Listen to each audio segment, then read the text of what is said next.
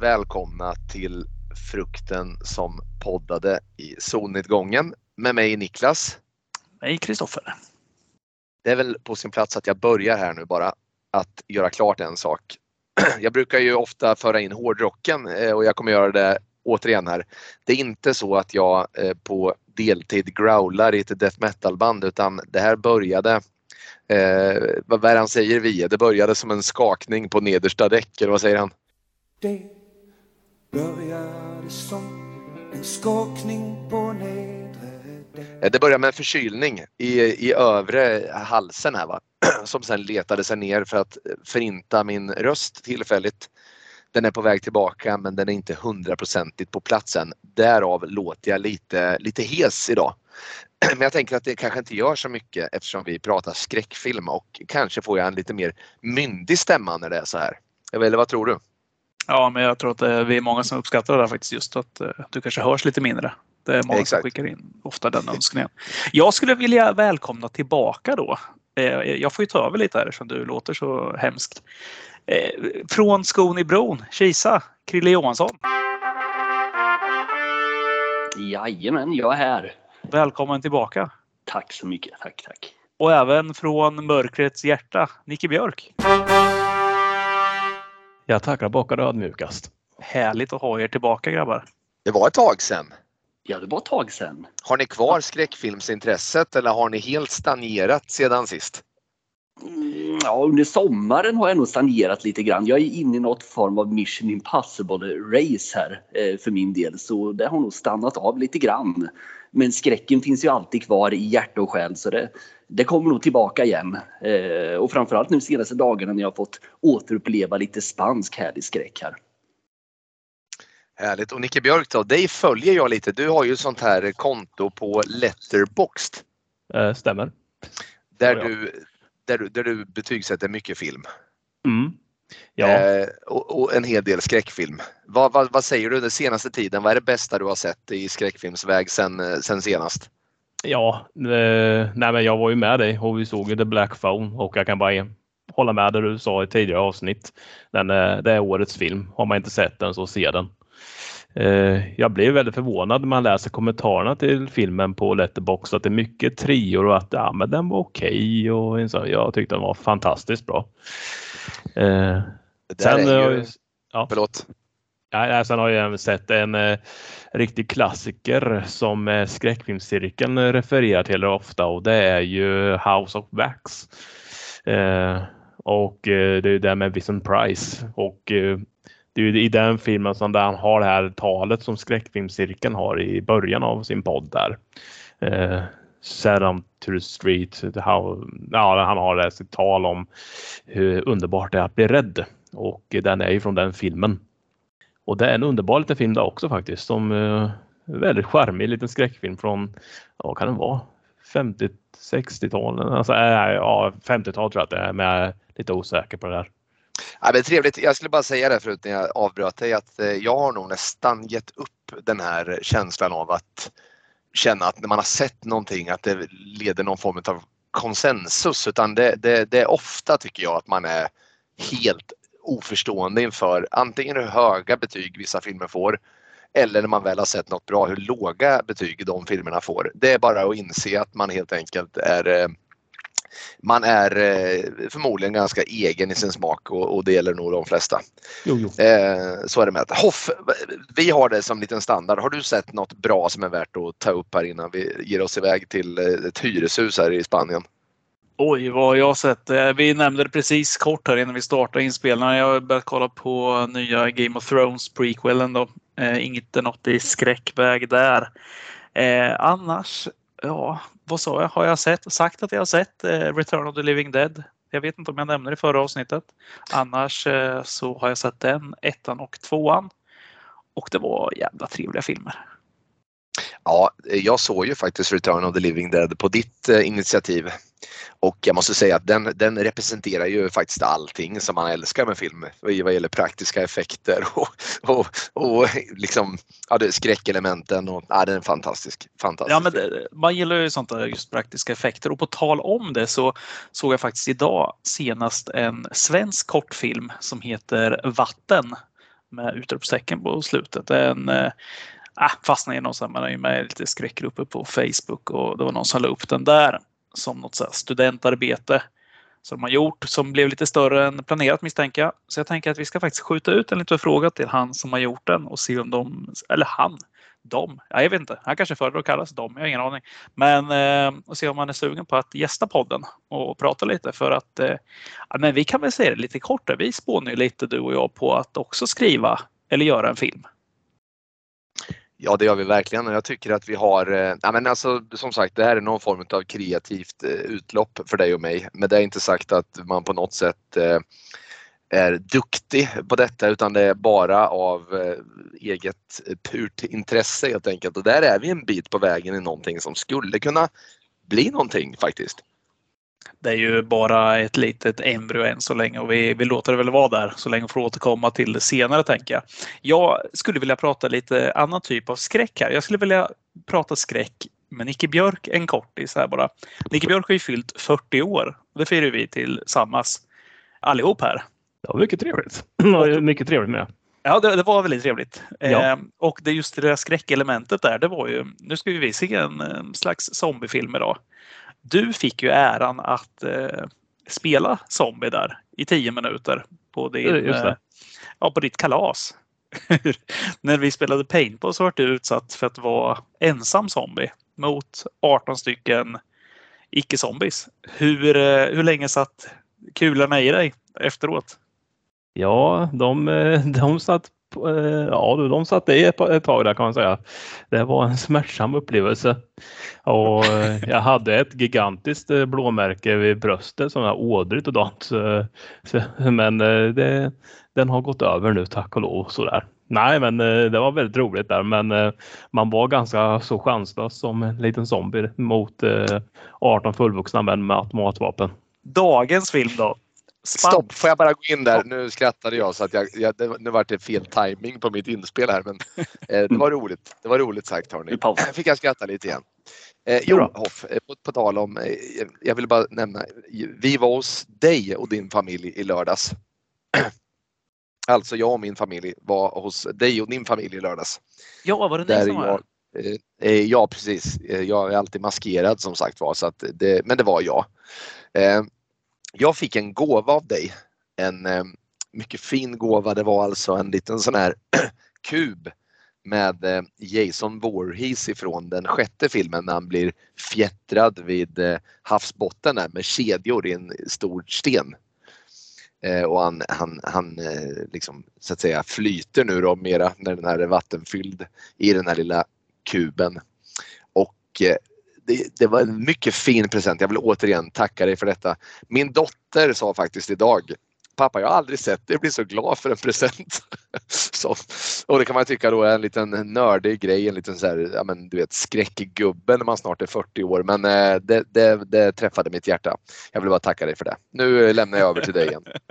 ja, det var så lite. Det är kul att den uppskattades. Din eh, sambo uppskattade inte lika mycket när jag försökte ge henne den här energidrycken, eh, mormors flytningar. Den eh, skyddade hon som pesten. Ja, hon, hon, reagerade mycket starkare än vad jag trodde hon skulle göra. Hon brukar vara väldigt eh, soft med det där, men det tog tätt alltså. Ja det, ja, det var roligt. Det är också väldigt skönt att vi också närmar oss 40-årsgränsen här och en Jason-staty som leksak. Det var äckliga energidrycker och vi pratade bajs och skrattade gott. Det är, det är en mogen nivå. Det är kul att eh, åldern aldrig kommer i fatten. Starkare än så är man inte och kommer aldrig bli nej, det, det är därför vi har den här podden också. Jaha, ska vi prata lite spansk skräckfilm? Yes, let's go. Jag. Härligt. Då har ju jag fått välja film. Eller jag har fått välja franchise till och med. Och det kommer ju bli REC vi kör nu. Varannan vecka ska vi köra igenom eh, de fyra filmer som hittills finns. Jag tror fyran faktiskt är ett avslutande kapitel så att det, eh, det kommer knyta ihop säcken hoppas jag spansk skräck, är det någon som har något som ni vill säga om det till att börja med? Nej, jag vet inte. Jag kan väl börja där med eh, just den spanska skräcken. För, för min del så var det nog, tror jag, just första REC-filmen som var första mötet just med spansk skräck. Eh, och, och, jag blev lite full i skratt när jag nu om, såg om den. Eh, för det här var första gången jag såg den sen pff, 2008 kanske. Och om jag inte missminner mig så var det du och jag, Nicky Björk, som såg den i på bion uppe i Norrköping. Va? Och jag, och jag minns väldigt tydligt två scener i filmen som vi kan komma till sen. Där Nicky Björks inlevelse i filmen eh, kom fram väldigt, väldigt tydligt där i soffan bredvid mig. Eh, första ögonblicket var ett väldigt så här oh yeah ögonblick. Den yes kom ut väldigt högt. Eh, nästa ögonblick eh, i filmen då var det ren och skär skräck. Då lät det mer Åh fy fan! Det var de tydligaste minnena jag hade från, eh, från första tittningen av REC. Men, eh, men, REC är nog eh, av just spansk skräck så vill jag nog ha det till att det var mitt första möte eh, med den spanska skräckfilmen. För egen del så har jag en, eh, jag vet inte hur mycket man ska eh, kategorisera den här Pans labyrint men det är en Guillermo del Toro som har gjort eh, den. Den är säkert bekant med om den här lilla flickan som lever under någon slags ny, eh, sty, inte styvfar, eller styvfar som är någon form av fascistoid överste där under andra världskriget och Eh, lever parallellt i någon slags fantasyvärld där som är mycket bra. Eh, jag har också sett en film som heter El Orfanato, alltså barnhemmet som är på spanska vill jag minnas.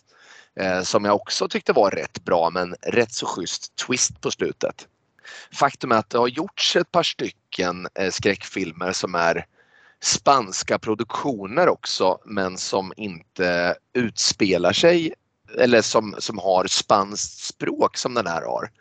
Men, men som sagt, Pons labyrint och Barnhemmet är väl de två filmerna som jag tänker på eh, ganska initialt. Så är också Devil's Backbone, jag har glömt den spanska eh, titeln på den, men det är också en Guillermo del Toro-film på spanska som är rätt så brutal. Eh, du så kanske att, tänker på El Espinazo del Diablo? Ja, det låter väl rimligt ja. Eh, Devil's Backbone, ja precis. Eh, den, den tyckte jag också var schysst faktiskt. Eh, så att, eh, ja, men det tycker jag. Det har gjorts en del i genren som är värt att lyfta. Ja, men kul att uh, vi kommer in på den, för just Devil's Backbone var jag lite ute efter där. Just att det är den och uh, Barnhemmet tror jag många skulle kanske säga är de här spanska lite större skräckfilmerna som har kommit och Barnhemmet är väl den som är den kom samma år till och med som REC om jag inte har helt fel där 2007. Sen har vi ju då lite annat som ni var inne på också, de här som är amerikansk, eh, amerikanska produktioner, kanske i fransk, spansk, amerikanska. Och då har vi ganska mycket roligt faktiskt. Vi har dels eh, The Ninth Gate av Roman Polanski som är en eh, ruskigt bra film. Tror jag vi Stopp! alla nästan kan Stopp! Om. Jag måste bara, för nu, jag avbryter hej vilt. Vi har gjort upp ett system här nu som jag väljer att skita i direkt. Jag måste bara få avbryta där. Ninth, Ninth Gate, det är en av mina absoluta favoritfilmer. En film jag älskar av eh, Roman Polanski med Johnny Depp och Lena Olin. Eh, som eh, mycket bra film, rekommenderas. Tack! Ja, men det är bra. Eh, ja, det var precis vad jag var ute efter att säga också. Att det är en väldigt trevlig film här. Sen har vi The Others som är kanske en sån här, eh, en av de här lite långsammare. Vi har pratat lite kort om det tidigare avsnitt. Den här med Nicole Kidman som är en, en riktig spökhistoria. Är också en sån här spansk, amerikansk, fransk produktion. Och vi har även eh, The Skin I Live In med Antonio Banderas som är ganska ny av Pedro Almodovar. Eller Almodovar, jag vet inte fan hur han vill uttala sitt efternamn. Pedro Almodovar tror jag, ja precis. Almodovar. Fantastisk. Dovan. Så där, där har vi ett eh, antal. Men just om vi tar REC då. Då har vi, det är två regissörer på den här. Jaume Balagero är en av dem och den andra är Paco Plaza. Den första här, Balagero. Jag satt och kikade lite på hans sida och tänkte nej, jag, jag har nog fan inte sett något av honom. Men sen började jag gå in lite för det är mycket spanska namn. Eller så är det amerikanska namn, bara att man har sett det på ett annat. Eh, ja, man har sett titeln på något annat. Så jag tänkte kolla lite Men Jag tror kanske att vi har några stycken där som vi ändå har sett som vi kanske inte tänker på. Det finns en som heter Fragiles, eller Från andra sidan med Callista Flockhart, alltså gamla Ally McBeal. Känner ni igen den? Eh, Den vet jag att jag har sett. Eh, Den är schysst eh, film faktiskt. Nej, men vi har en annan som heter Sleep Tight på amerikanska då. Som är en annan som Balaguero har gjort. Som handlar om en mycket otäck sån här portvakt som ofta finns i spanska lägenhetskomplex, får man kalla det kanske. Har ni sett den? Nej. Då kan jag verkligen rekommendera den. Tänk en eh, riktig sån här stalker-kille som smyger omkring upp och ner i de här eh, trappuppgångarna och eh, bryter sig in hos sina hyresgäster. Ja, värd och, väl värd att se. 7,2 på IMDB. Inte helt tokigt betyg gjorde- för en skräckfilm. När gjorde han den? Var det före- 2011. Fyra år 11, efter. Okej, mitt i. Okej, mm, ja. Så där, där har vi några stycken såna här som ändå kommer. Sen så gjorde han någon liten så här heistfilm som heter Way Down som kom 2021 nu med Freddie Highmore. Det kanske mest känns som eh, Kalle i Kalle och chokladfabriken när han spelar mot Johnny Depp. Just det. Just det. Eh, Och det är jag, ingen film som man behöver se egentligen utan den, vi kan bara lämna den här. Gjorde han inte även den här The Darkness eller vad den hette med Lena Olin i början på 2000-talet? Tyckte jag jag såg någonstans. Och den har jag något vagt minne av att jag såg. Stämmer bra. Där har vi han också. det. 2020, 2002 släppte han den. Just det, just det. precis den filmen jag hade tänkt ta upp. Det är ju så att säga faran kommer ju. Det är lite som den här eh, är det en liten föregångare till Lights Out nästan. Alltså faran ligger i när det blir kolsvart och, och hela tiden så väntar något i, i kolmörkret liksom. Eh, helt okej. Hans eh, kollega här eh, för den här filmen, då, för Rec Paco Plaza, han eh, har inte gjort lika mycket. Han har gjort lite mer sån här tv-filmer och tv-serier. Han fick väl äran att göra även Rec 3 tror jag, som han står ensam på. Men annars, nej, han sticker inte ut jättemycket. Om ingen har något annat som de vill tillägga på honom. När Rec kom, var det någon, kommer ni ihåg när den kom ändå? 2007? Var det någon som såg den direkt eller var det här något som ni gick och väntade på? Den var ganska svår att få tag i där för den, amerikanerna ville ju inte släppa den förrän de hade släppt sin remake, Quarantine, på den. En, nej, men som Christian sa där, för jag kommer ihåg den kvällen när vi såg den hemma hos mig där. För eh, där var ju en av skräckfilmerna som eh, en av få skräckfilmer som verkligen knäckte mig för den var så oerhört otäck tyckte jag då. Eh, och det är speciellt mot slutet där som vi kommer komma in då i säkert under avsnittets gång här. Men det var ju så att eh, det var lite, ja det var ju en zombiefilm och zombiefilm har man ju sett men det var ändå lite annat med det här found footage temat. Köra som en, de spelar in för tv och ja, men det, den har inte den här filmiska känslan på det här sättet. Eh, Så att, eh, nej, så att jag minns att jag har sällan varit så rädd som jag var när jag såg REC.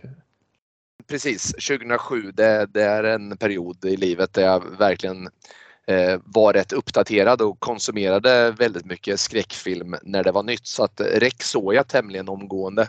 Och den kom väl, eh, om jag inte missminner mig helt, ganska samtida med den här andra stora found footage-filmen det året, eh, Paranormal Activity.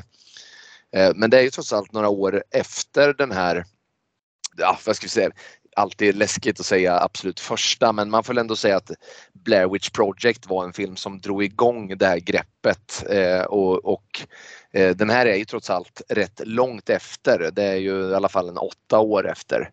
Ehm, jag kommer inte ihåg den här Cloverfield som också, vi pratade lite kort om den här om eh, avsnittet Hoff.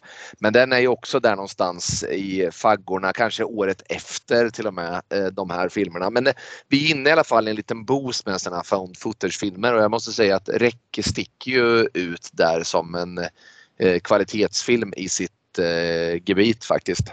Yes, ja, nej men eh, för min del så var jag också en väldigt stor skräckkonnässör runt mm, 07, 08 och ja, många år innan det, tio år innan det ungefär.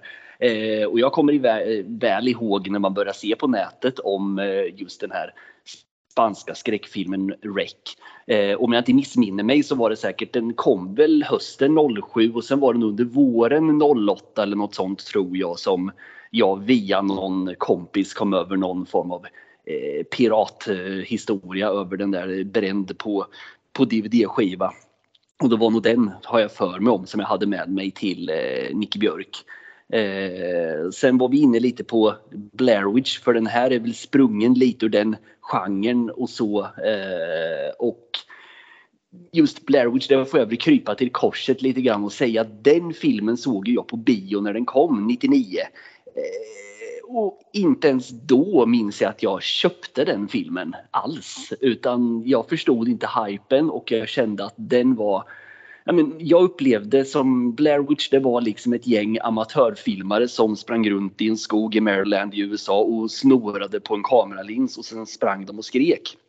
Eh, jag kunde liksom inte köpa Eh, paketet. Eh, Rec däremot som kom då ganska många år, en åtta år senare, eh, var en helt annan historia. Den var gjord på ett annat sätt och där eh, som Nicke Björk eh, har varit inne på att den, den, var väldigt skrämmande när man satt och tittade på den och man, jag köpte paketet på ett helt annat sätt. Mm. Ja, jag håller med där också. Jag, jag, jag, dock, jag såg eh, Blair Witch när den kom också. Jag köpte nog hela det paketet rakt av. Jag minns att jag såg den ute i, i min sommarstuga. Det var alldeles för tidigt att se den.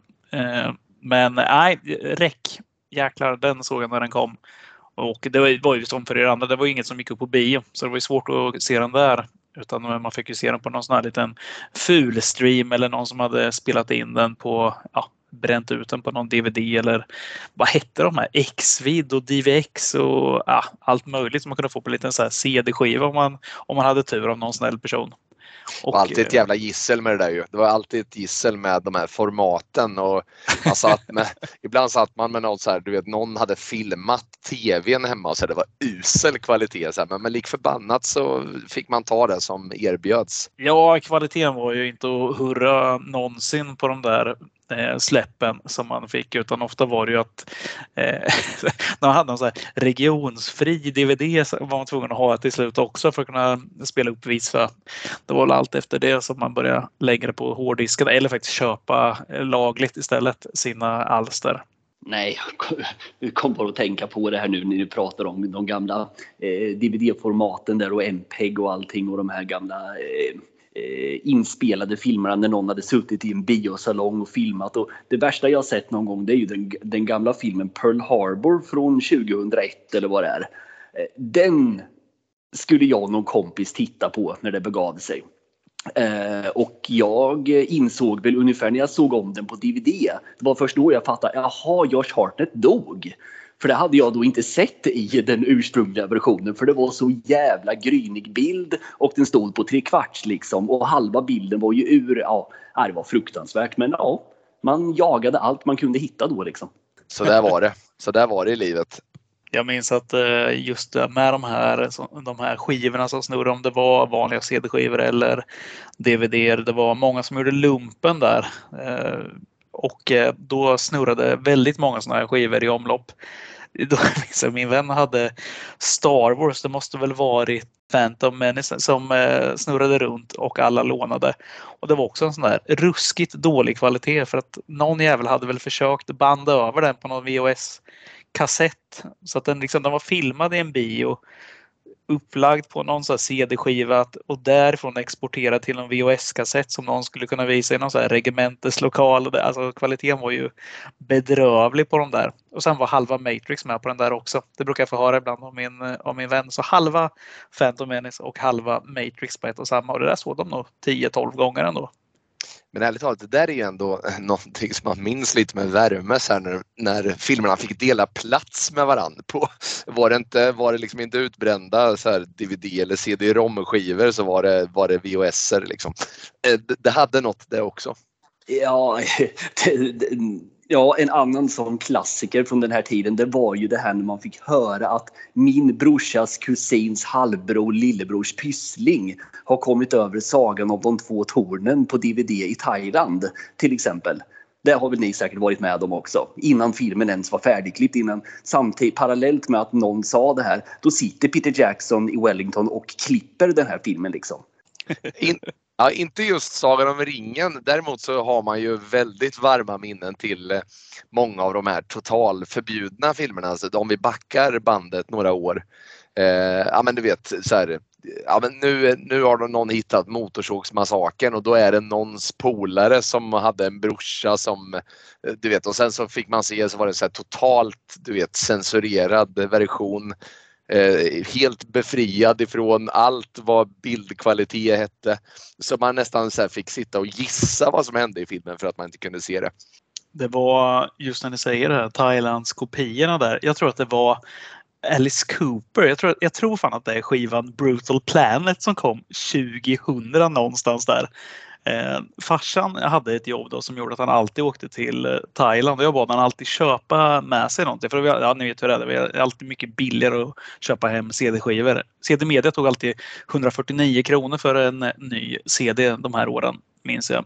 Och eh, då bad jag han köpa den här. Men likt förbannat så som allt som han köpte där nere så vart det alltid särskilt bra. Det här eh, har jag nog aldrig sagt till honom för att eh, jag tror det skulle såra honom för mycket när han gick där och letade efter de här skivorna. Men det var ju alltid något fel på dem. Så att eh, det var ju aldrig Alice Cooper, Brutal Planet man fick hem utan det kanske var Alice Cooperette istället. Något så här coverband som man fick hem med något så här riktigt så här pixligt omslag också som någon hade lurat på farsan. Och sen med någon thailändare då som sjöng istället för Alice Cooper. Ja, ni förstår ju hur bedrövligt dåligt det här var. Och så här höll det alltså på i säkert tio års tid. Jag önskar att jag har kvar den här boxen någonstans med farsans alla verk han har köpt. Han köpte en sån här Savage Garden-skiva som också var sådär. Den var bedrövlig att lyssna på.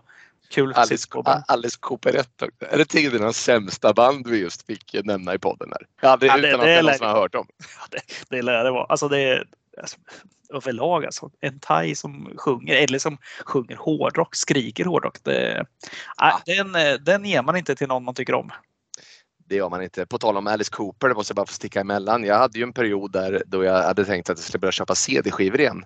Det här är ju inte alls många år sedan. Jag köpte en Alice Cooper-box med alla hans plattor på. Eh, på CD och insåg sen att, ah, men fan jag har ju ingen CD-spelare. Och där var, bilarna började bli så nya så att man hade inte en CD-spelare i bilen. Så det jag gjorde var att jag tog ut skivorna ur den här boxen. Så gick jag runt på min gamla arbetsplats och gav en inslagen Alice Cooper-skiva till alla i min arbetsgrupp i julklapp. Och alla satt och tittade frågande när de hade fått varsin utgåva av Alice Cooper. Så det var, det var obetalbart att se deras ynkliga ansikten. Får jag bara, innan vi går vidare till filmen där så skulle jag bara, du, du pratade om CD Media och deras CD-priser där Hoff. Kan bara vara roligt som en liten så här, kuriosa. Där har vi faktiskt en, eh, alltså 25% av oss här har ju faktiskt jobbat på CD Media och sålt dessa skivor för 149 kronor. Och jag vänder mig direkt till dig då Nicke Björk och ber dig att återrepetera vad den här mannen sa till dig som köpte Powerslave den där sommardagen, kanske 2005. Vad sa han? Jo, han sa så här och jag citerar ordagrant. Om du repar den där skivan så slår jag ihjäl dig. Väldigt att, otrevligt. Väldigt otrevligt sagt. Ja. Han gjorde alltså sig skyldig till olaga hot där i CD-butiken. Ja, och det var ingen så att det var någon så här um, limited edition eller super rare utgåva. Det var det vanliga, vanliga albumet Powerslave. Inget extra krusidull. Vanliga albumet, inget mer än så. Men det var, det var heligt album för denna man. Det är ett jävligt bra album, men jag vet inte om det är värt att döda för. Men, men för hans värld var det så. Ska vi gå vidare nu då till den här filmen kanske? Eh, och eh, jag, jag, jag, jag, tycker vi slänger oss in i det här nu.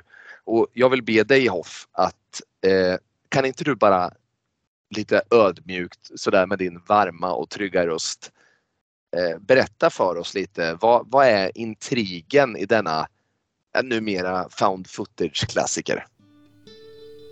Un reportero de televisión, Unión Camagrafo, siguen a los eh, en un edificio de apartamentos oscuros y rápidamente quedan encerrados dentro con algo aterrador. En ung tv-reporter och hennes kameraman följer ett par brandmän ut på en utryckning in i ett mörkt hyreshus och där låses det snabbt inne med något ohyggligt skrämmande. Tack så mycket för denna rafflande inledning av denna ja, otäcka spanska skräckfilm. karaktärerna.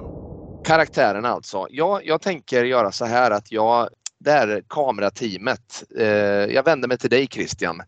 Har du lust att bara lite sådär initialt berätta om eh, ett par av karaktärerna som du tycker är viktiga så här inledningsvis för oss att känna till? Ja, huvudpersonen i den här eh, filmen det är ju An Angela Vidal. Hon är ju en, eh, en tv-reporter eh, för någon spansk tv-kanal och hon man förstår ganska snabbt i filmen att hon är programledare för något program de sänder som heter Medan ni sover. Och själva premissen då i det här programmet är att hon reser runt, hon eh, rör sig runt i Barcelona eh, bland olika till exempel, yrkesgrupper eller visar på vad som sker i staden nattetid helt enkelt. Eh, och just eh, i början på den här filmen så är hon på en brandstation och ska helt enkelt eh, eh, intervjua brandmän och se hur eh, deras vardag helt enkelt ser ut och eh, hur deras nattarbete ser ut. Eh, och den andra får man säga, huvudkaraktären då, det är ju eh, Pablo, hennes kameraman. Som hela, egentligen hela filmen för filmen framåt så att det är ju han som bär kameran som vi som tittare ser igenom. Eh, så det blir nästan att vi som tittare är ju Pablo under filmens gång. Eh, så det är väl egentligen de två primära huvudkaraktärerna och sen undan för undan så dyker det upp allt fler karaktärer längs resan. Jag tänker bara på den här tv-showen de gör när, medan ni sov där. Jag tycker liksom det är lite så här, känns det inte som att vi har de här två som ändå försöker liksom Alltså det känns inte som att det är någon supershow de gör. Det känns som, liksom, som lite så här B-variant på Cops eller liknande. Det känns så exakt som när jag tänker på vad spanjorerna tittar på på TV. Så känns det som att ja, men de kollar på en ganska taskigt inspelat live-reportage som de sitter och tittar på. Om det inte är en lång så här glamour-såpa de tittar på. Men så känns det som att det här, är, det här är deras sätt att försöka slå igenom. De vill göra annat än det här. Ja, men det, det är precis eh, min känsla också. Att det här är ju ett... Eh, det är liksom inget program som vänder sig till eh, eh, du vet, fem miljoner tittare utan de väntar ju bara på att få sitt stora scoop egentligen. Eh, vad har du att säga Nicke Björk? Eh, nej, men jag ska bara säga att jag tog och tittade igenom bakom kulisserna eh, precis innan vi eh, började spela in det här avsnittet. Och eh, hon eh, som spelar Angela Manuela Vel Velasco, om jag uttalar nu rätt eller hur det är, men Manuela i alla fall. Hon eh, har ju jobbat mycket inom tv Eh, därav så följer bara lite grann på henne för hon hade den här erfarenheten. Ingen av de här skådespelarna som är med i filmen är ju inga stora namn för regissörerna ville att det skulle bli så realistiskt som möjligt. Och då kan vi inte ha eh, Spaniens svar på Brad Pitt som springer omkring utan då måste vi ha skådespelare som ingen känner riktigt till för att få den här känslan av att det här som sker, det är äkta. Jag tror även att han eh, Pablo, han eh, Pablo Rosso som spelar just Pablo, han är ju utbildad kameraman också. Därav mm. så är kamerarbetet är ju jäkligt snyggt i den. Ja, så han bär ju ofta ut att man sitter och klagar och tänker att det är lika skakigt som, eh, som att en vanlig skådis hade sprungit och filmat med en sån här camcorder på ryggen. Exakt. Han hade jobbat en hel del för eh, de här två regissörerna också eh, sen sedan tidigare. Eh, och eh, så det här var hans första skådespelarjobb också där med det. Jag gillar detaljerna kring det här paret då. Jag, jag gillar Alltså själva grejen tycker jag, alltså tycker jag, nu slår in öppna dörrar, men grejen med en found footage-film är ju att det måste vara realistiskt. Alltså det ska ju vara en dokumentär känsla, det är det som är hela grejen med found footage. Och därför blir varenda liten så här subtil detalj också väldigt viktig i den här typen av film. Det är därför jag med glädje hör dem säga saker som Eh, ser du min vänstra hand nu när de är i sändning? Eller så här, eh, viskar när de har någon så här tråkig snubbe att intervjua så här, eh, stäng av, så jag måste spara batteri, stäng av eh, kameran så att vi inte drar eller eh, du vet, slösar på batterierna. Eh, det här tugget som de har fått då eh, tack vare att de är i branschen och har fått den erfarenheten. Det tycker jag gör att man köper premissen eh, mycket mer och det gläder mig. Jag kan bara instämma. Jag ska citera dig. Vad du ofta säger just om skräckfilmer det är ju att du inte vill att magin bryts. Och jag skulle nog säga att det blir så extremt viktigt i just found footage-genren att du verkligen säljer in det. Så du måste göra det här väldigt snabbt. Få till detaljerna. Du måste få till den här realismen, att det blir autentiskt direkt. Precis som du är inne på. Detaljerna här är ju detaljerna som vi annars hatar i vanliga filmer. Det vill säga att det kommer ner en mikrofon och dippar in i bild. Det kommer in liksom så här, ja, men folk säger dumma saker, de säger vardagliga saker. Det är sånt som måste finnas på plats här.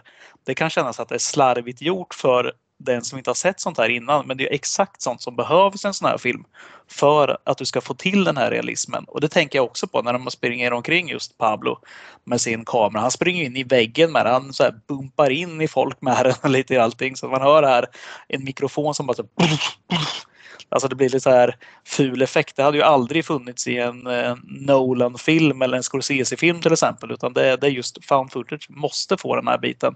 Ja, det tycker jag, det gillar jag. Eh, instämmer till 100 procent för det är ju just det som är den stora distinktionen här. När du ser eh, nya avatarer som kommer i vinter, då vill du höra eh, hur de håller eh, brandtal till arméerna, hur de levererar liksom, du vet, eh, klimathotstal och allt vad jag kan tänka mig att det är. Det är just det som du inte får ha i en found footage-film. För jag menar om man ska se det i livet, alltså realistiskt menas, hur många gånger säger någon någonting så dräpande eh, liksom, utan det man gör är att man yrar sig fram i tillvaron och stakar sig och saker händer som man inte har räknat med. Det är så livet ser ut.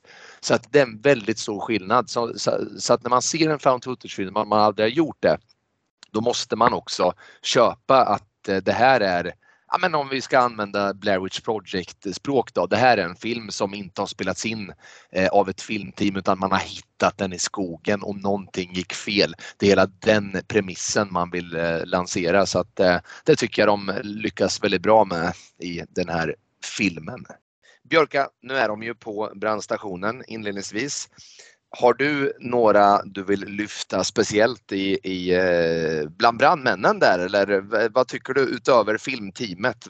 Vad ska lyftas? Ja, det är ju två karaktärer där som vi kommer få följa sen resten av filmen. Eh, det är ju då Manu och Alex. De två blev väl eh, ja, de blev utsedda av deras chef då att vara kan man säga, värdarna för Angelia. Eh, att eh, följa henne runt och visa hur saker fungerar, hur de tar på sina dräkter när det blir utryckning och hur, eh, ja, fördriva tid också eh, med henne. Liksom att de spelar en basketmatch och lite annat smått och gott där och så. Och eh, det, ni pratar ju om de här små detaljerna och så och eh, även här, det här är ju som två skådespelare liksom och eh, de, eh, för mig, mig så köper jag helt av att det här är två brandmän som vet vad de pratar om. För de kan sitt jobb, de har jobbat länge inom detta, de vet vad som gäller. Eh, som lyckas leverera med trovärdighet vad en brandman, brandman gör, gör för någonting där. Har väldigt också en professionalitet mot eh, tv-teamet där. Ja, utöver Alex och Manu i det här tidiga skedet, då är det ju brandchefen också som kliver in eh, snabbt i handlingen och eh, blir en liten större eh, karaktär och eh, egentligen alla de här tre karaktärerna är ju som sagt väldigt vad ska man säga, realistiska. Eh, jag tror, om jag inte minns fel, är det väl Alex som bland annat berättar om att det är ju ofta att vi inte ens åker på bränder överhuvudtaget utan det är andra utryckningar och räddningsuppdrag och liknande. Och på något sätt tar bort den här glorifieringen över just att vara brandman. Så jag känner att just i det tidiga skedet i, på brandstationen då är det ju brandchefen och sen är det de här två Eh, brandmännen då som, eh, som har mest roll i, eh, i filmen eller där. Och sen är det några kvinnor hon passerar i någon reception där var den ena kvinnan vill väl inte vara med i bild. Men jag gillar den scenen väldigt mycket. Att hon nej, nej jag vill liksom inte att ni filmar mig. Jag, jag vill inte prata här. Eh, att hon är väldigt eh, allting blir så eh, realistiskt och den här realismen sugs man in i direkt. Att det känns som att nej, men nu är man med på en vanlig brandstation liksom här. Precis. Jag skulle vilja lyfta en eh, karaktär som kanske inte har en jättecentral del i filmen men som jag tycker ändå eh, är en karaktär som påverkar mig när jag tittar. Det är ju som sagt var, de kommer till det här hyreshuset och eh, i det här hyreshuset då så är det klart att det är någon form av olycka som har hänt. Och snabbt så börjar saker och ting sakta gå åt helvete som så många gånger tidigare då i det här huset då eh, som snabbt hamnar i någon form av karantän då. Det betyder att gästerna, hyresgästerna som bor där, bostadsrättsgästerna eller vad det nu är, de får inte gå ut utan polisen har då eh, barrikaderat och håller dem isolerade av någon oklar anledning. I denna grupp av hyresgäster så finns det en mamma och eh, deras lilla dotter, eller hennes dotter, som, som är sjuk. Eh, pappan har gett sig av för att köpa antibiotika till henne. Eller skaffa antibiotika till henne för att de säger att hon har, men hon, hon har feber och har någon form av eh, halsfluss då. Eh, vi kommer komma mer till vad det är för någonting som det kanske rör sig om i hotet sen tänker jag.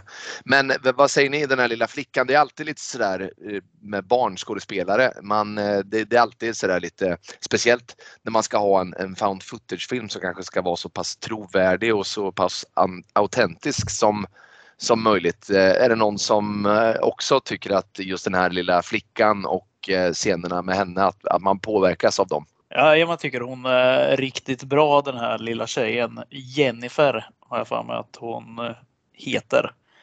Och jag tror att anledningen att man tycker liksom om henne, liksom, eller att hon eh, uppfattas som väldigt bra i skådespeleriet, eller det är i alla fall vad jag gör, att hon får liksom aldrig den här frågan riktigt. Hon, eh, hon ställs aldrig mot det här Alltså det här allvaret. Hon får liksom lite frågor av reportern och reportern går ju ner, alltså hon tar ju ner frågorna så jäkla bra på hennes nivå. Hon lägger sig direkt på ett barns nivå med det här. Men har du då husdjur hemma och hur är det? Mår du bra? Och så vidare. Och det här, men det blir väldigt realistiskt just när hon står och ställer de här frågorna. Och där blir man lite, lite um i hjärtat. Där, men så här, sjukt barn med sin mamma där och eh, ja, man köper läget rätt bra tycker jag. Hela den här att morsan där Eh, väldigt eh, på om att det är just halsfluss det här barnet har. Hon vill ju inte säga att det är någonting annat. Men alltså hon vill inte, ja, men det vet man ju själv, man vill ju inte att ens barn ska ha något, någon allvarlig sjukdom utan så länge det tyder på att det kanske är en förkylning, då är det en förkylning. Och så vidare.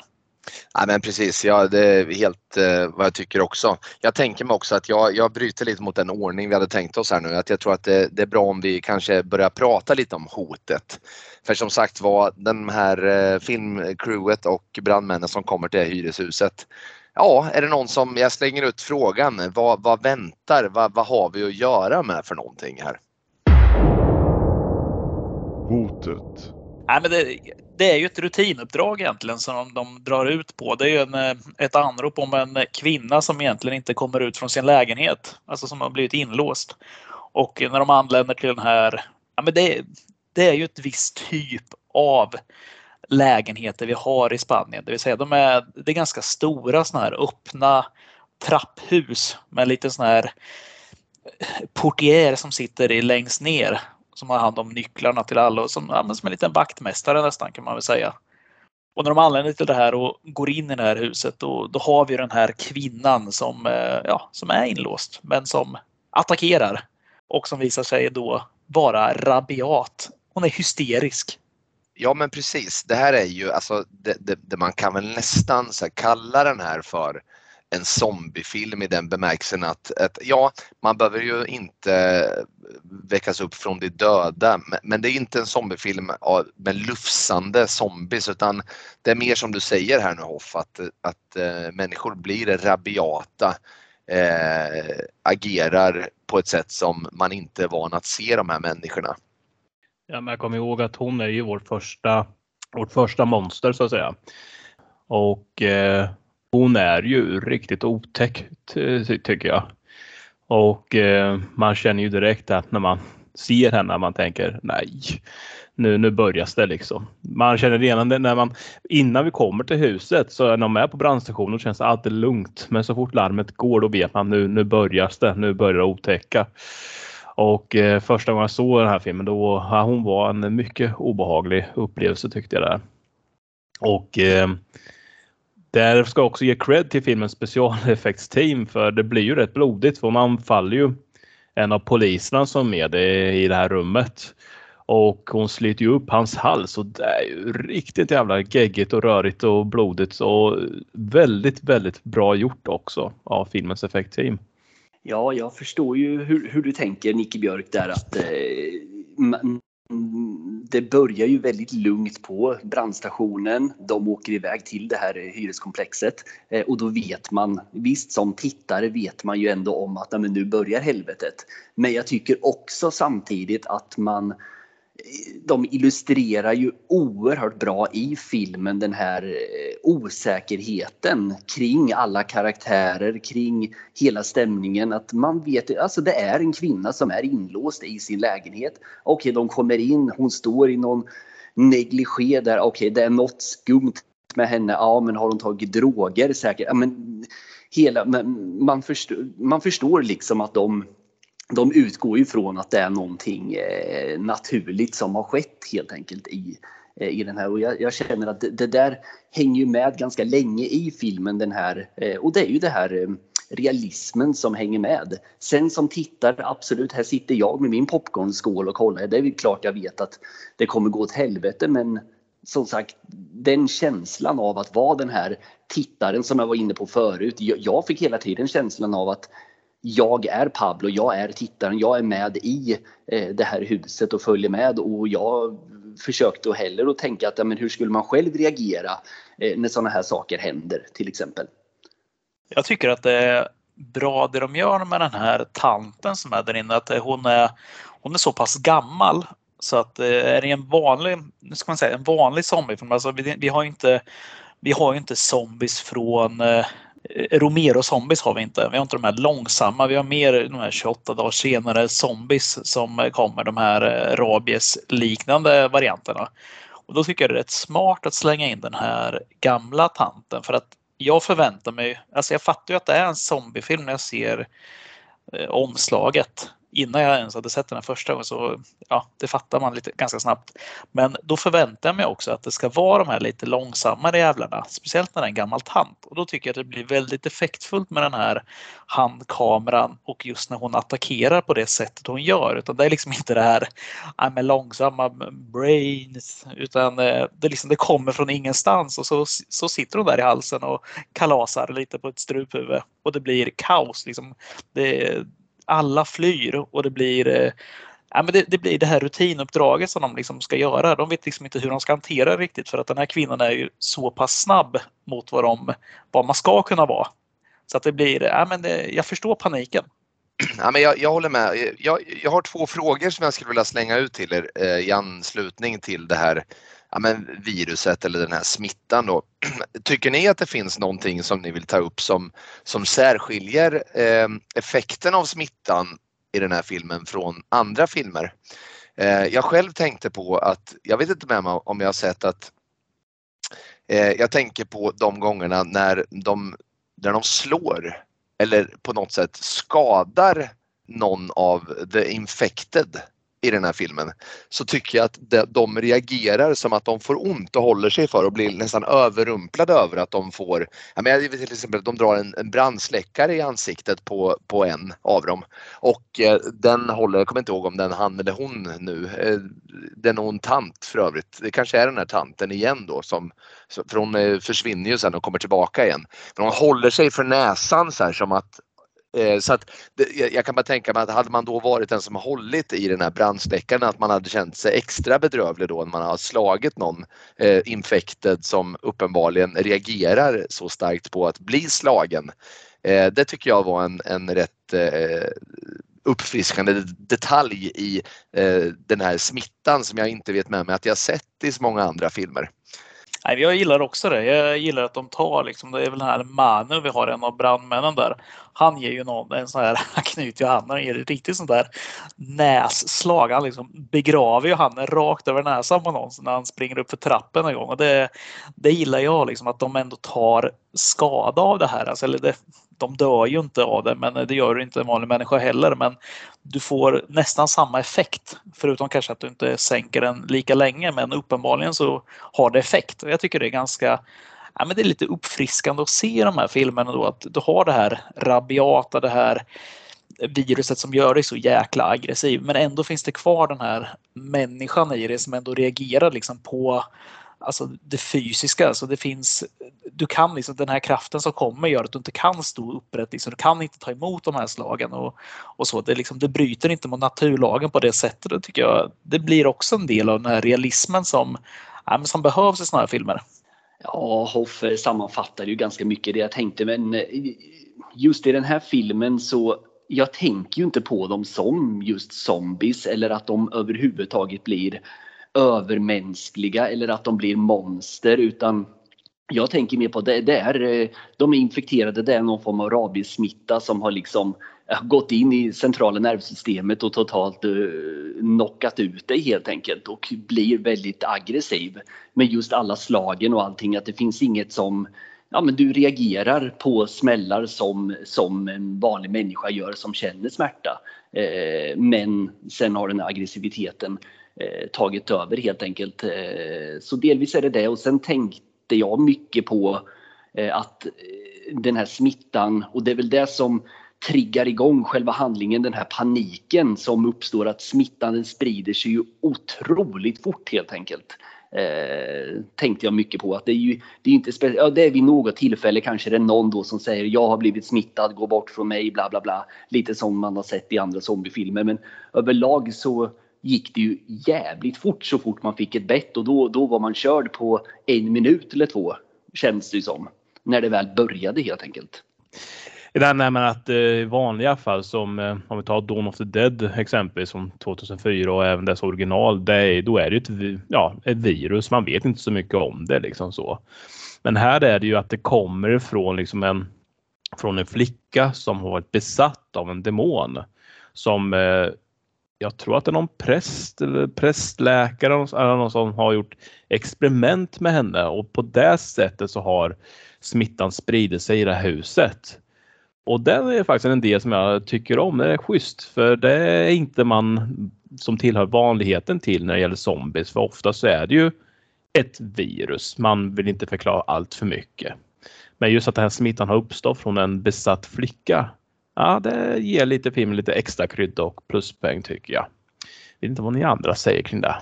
Nej, men det är väl som eh, Björk är inne på precis där med den här eh, flickan. Vi kommer väl in på henne lite senare också, men eh, just att den har spridit sig till den här hunden som de nämner. Den här lilla flickan Jennifer pratar ju om sin hund. Vad heter han? Max? Heter han? Säger jag rätt då? Jag har för mig att han heter något liknande i alla fall. Det kan stämma. Ja, Max. Yes. de, de stänger ju ner hela det här lägenhetshuset för att de, de bommar ju igen där precis efter att den här tanten har gått lös på dem och de egentligen bara ska fly ut med sina sårade så bommas det ju igen. Och hela räddningstjänst, hela gardet är ju där egentligen och stänger ner. Och då kommer ju smitt, Smittskyddsinstitutet inspringande med Tegnell i spetsen mer eller mindre. Och eh, så förklarar de ju lite kort där att de har den här hunden som, eh, som de har haft inne för någon misstänkt rabies eller liknande som har blivit helt, ja, den har ju också blivit rabiat och det har krävts flera personer för att hålla ner den. Så man får väl utgå lite från att kanske den där hunden har lyckats spåra rätt på den här andra flickan då, som, eh, som du nämner. Och sen gått lös. Den har väl sprungit bland de här olika hyres eh, hyresrätterna. Då. Vi har ju även de här karaktärerna, det här kinesiska paret som eh, en av karaktärerna nämner som aldrig stänger sin dörr.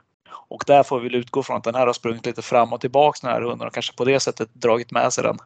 Vi har ju den här sköna karaktären Caesar där också som, eh, som är lite så här vardagsrasister och hatar de här kineserna. Och han, eh, han är inte alls nöjd. Det är det jag tycker är en del av hotet faktiskt också. Det är den här hela den här lilla osämjan som börjar sprida sig mellan våra huvudpersoner. Eller både, vi har ju en polis inne i det här, i det här lägenheten i gruppen Policia Joven, eller Joven, jag vet inte hur han ville uttala sitt namn, men det blir ju lite det här, alltså vi har både två stycken brandmän inne som är väl ganska vana vid att ha, få sin röst hörd. Sen har vi den här polisen som också är van att höras. Där blir det lite osämja där för att det, det, är väl lite en sån del i en sån här film som det är svår att få ihop där att de kanske agerar på ett eh, sätt som man inte förväntar sig kanske att de här skulle göra.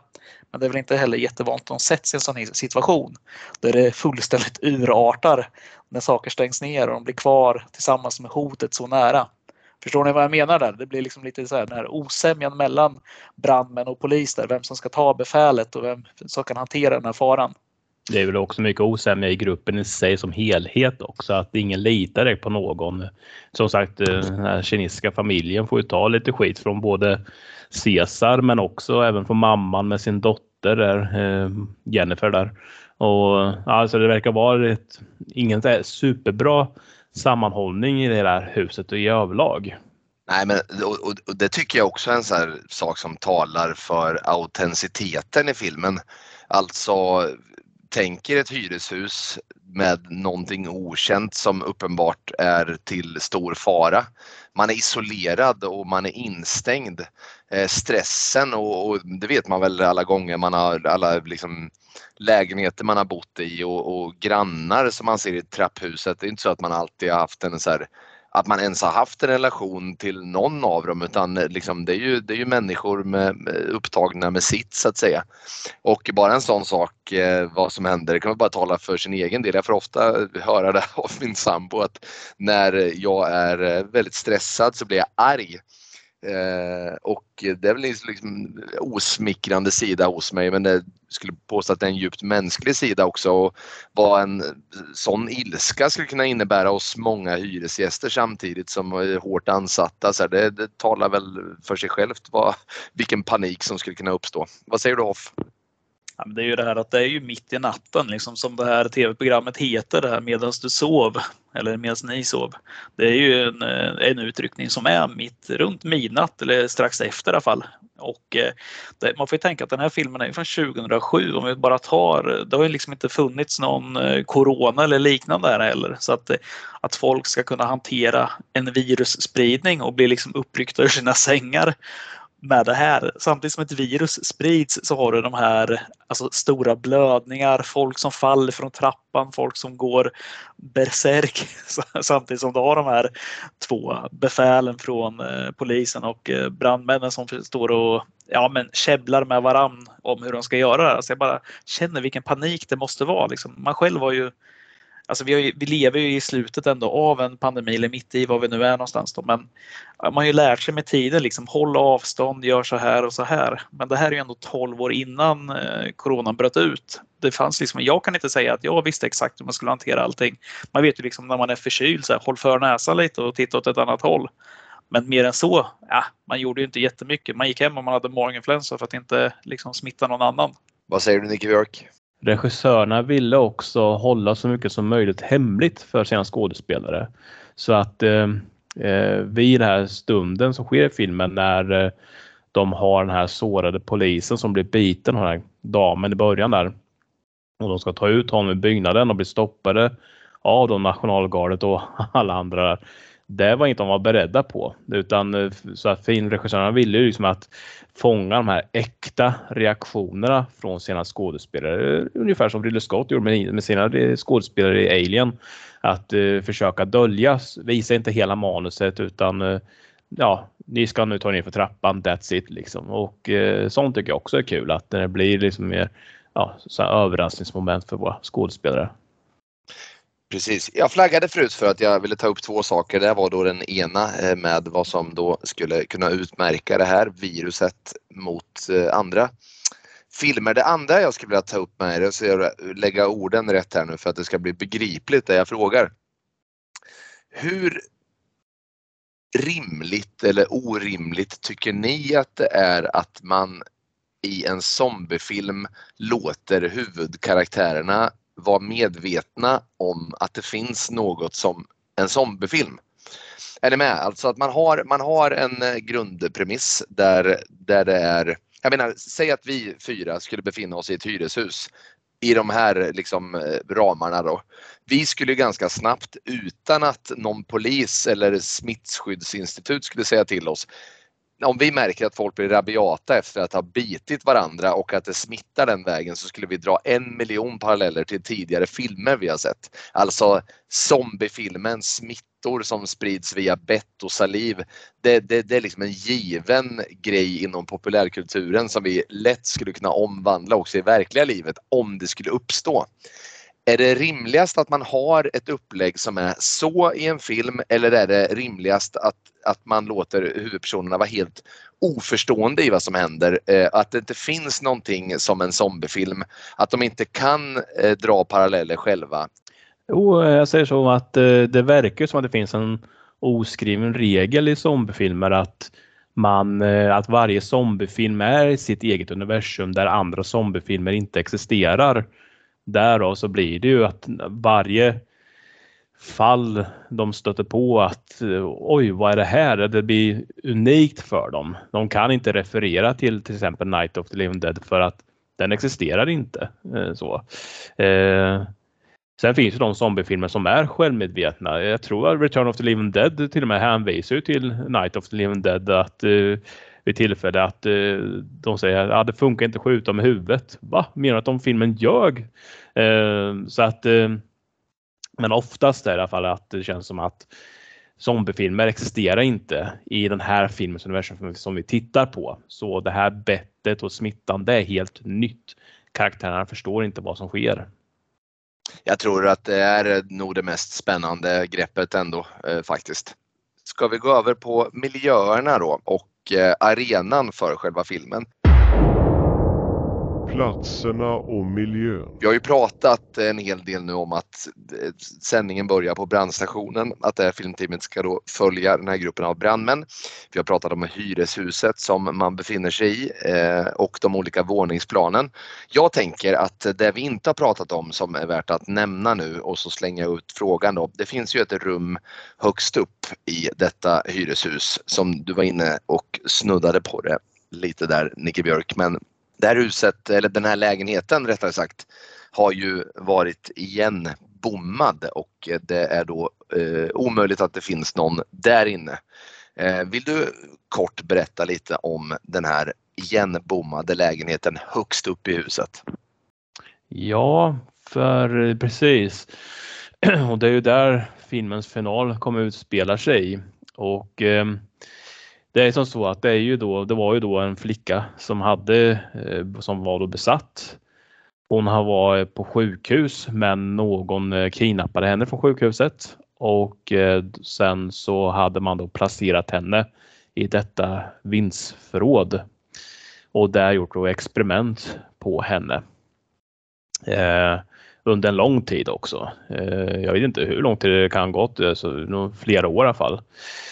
Och eh, när våra huvudpersoner tar sig in i detta vindsförråd i slutet av filmen, då är det ju ett, ja, rummet är ju som täckt med olika tidningsartiklar av, om just den här besatta flickan. För hon är ett unikt fall då i Spanien där. Eh, och att, eh, att hon hamnade på sjukhus och att sen att hon mystiskt försvann och ingen vet var hon tog vägen och så. Det är som sagt det är, äh, mängder med sådana olika tidningsartiklar i alla fall. Och där så hittar man också en äh, gammal äh, ja, inspelnings, liten inspelningsmanik där. Där då prästen som har kidnappat henne berättar då just om de experiment han gjort på henne där då och även order från Vatikanen att han ska stänga ner stället och isolera henne. Men eh, ja, alltså rummet i sig, alltså det är svårt att förklara sig, men det är ju som att det, det är ett rum där man känner att det här det är ett rum som är en mardröm liksom att befinna sig i där. Det är skitigt, det är liksom eh, rent av bara obehagligt där. Svårt att förklara, man måste nästan se att känner jag, om inte ni andra känner att ni har bättre på det att beskriva. Ehm, men som sagt, det, det är vedervärdigt rum. Det är, det är Vad säger du Hoff? Nej, men det är som Björk är inne på det här med att det är skitigt och jävligt. Det är som att en, ja, men en hoarder nästan har bott där inne ett tag. Och liksom bara, nej, men mat, det står väl kvar lite så matrester och disk och så vidare. Men det, det, jag tycker är härligt just när man kommer in här det är ju de här väggarna som du är inne på med alla gamla artiklar. Vi har det här pappret som börjat gulna, alla anteckningsblock som är helt proppfulla. Jag älskar ju sånt här och sen sitter det så här okulta grejer lite överallt. Alltså vi har, ah, fan nu ska jag använda världens äldsta ord här, men det sitter så här manicker, det sitter lite så här dödskallar, det sitter verktyg så här som man inte har någon aning om vad det ska göra. Man vet bara att det där används vid någon gammal jävla ritual och sånt där. Vatikanen är inblandat, alltså allt sånt där. Det, man fattar att här är det skit på gång. Alltså Vatikanen är inkallad för att fixa det här. Nu tar vi fram allt vi har. Eh, man skulle inte bli förvånad om det fanns vigvatten, silverkulor på de där väggarna som de har testat också. Och så finns det ju den här lilla kammaren här innanför också. Nu vet jag inte om du nämnde det om jag bara zonade ur lite snabbt där men det är ju någon sån här liten, eh, inte inte tortyrstol men liknande liksom för att hålla fast den här flickan förstår man ju. Där hon mm. har suttit och blivit utsatt för de här ja, experimenten eller liksom försök till läkning eller helning. Allt, liksom, allt finns det här med hur det ska gå till och man förstår att äh, men det, har, det har pågått jävliga saker här och allt är ju mörkt och skitigt. Det ser lite ut som i Seven när de kommer hem till den här olika offren, den här killen som äter ihjäl sig till exempel. Alltså det, det är vedervärdigt det är ju också så, ska jag säga, att eh, det här blir ju någon, som ni varit inne på, det blir slutscenen också, men vi, vi får nästan så backa också att ha en liten extrainsatt hot här. För den här igenbommade lägenheten som eh, helt orimligen kunde innehålla något levande eh, innehåller ju faktiskt något levande. Eh, och vad säger du Christian om det, vad, vad som väntar här uppe i, i det här rummet? Ja, som väntar i det här helvetesrummet ja. Eh, nej men till att börja med så eh, det, det, hela den här lägenheten, det, det som jag eh, tänkte väldigt mycket på det är ju det, det här det är väldigt subtilt också allting när man får följa det. Det, det är ju att det är så nedsläckt. Man ser bara från den här eh, kamerans eh, lampa. Eh, man ser väldigt, väldigt begränsade ytor hela tiden i den här eh, lägenheten och det tycker jag blir väldigt effektfullt. Eh, Bland annat är den väldigt snabb när, när Pablo sänker kameran. Man hinner se den här, det är någon spruta, någon kniv som ligger i något blodigt vatten i något form av eh, dopfunt ser det ut som och sen nästan krockar han in i någon eh, ängel och liknande där. Eh, men sen tar de sig som sagt längre in i lägenheten och Eh, vad är det som händer då? Då går väl kameran, inte kameran, men då går ju lampan sönder. Så Pablo blir tvungen att sätta på night vision för att kunna se någonting. Eh, och Angela hon ser ju ingenting och han ser bara ur den här gröngryniga svarta eh, lilla bilden. Eh, och då hör de hur någonting börjar skramla längre in i någon form av kök, ser det ut som tycker jag. Eh, och där i mörkret framträder ju en, en hiskelig gestalt. Eh, någon form av Eh, eh fram till 2007 så hade väl, tänker jag, japanska flickor med långt stripigt svart hår varit någon form av skräckikon. Men det här ändrar, den här flickan med svart hår blev nedputtad från eh, pedestalen lite grann och in i skräckfilmen kom då den utmärglade äldre kvinnan istället. Eh, för det som kommer fram där är ju en, en, något form av utmärglat as som kliver fram Eh, med någon form av eh, eh slakthammare eller vad det är och går och vevar med och skramlar med där. Och det är ju eh, oerhört effektfullt och skrämmande. Någon annan som vill tillägga något om den här gestalten? För det är ju en gräslig, det är ju en gräslig flicka helt klart.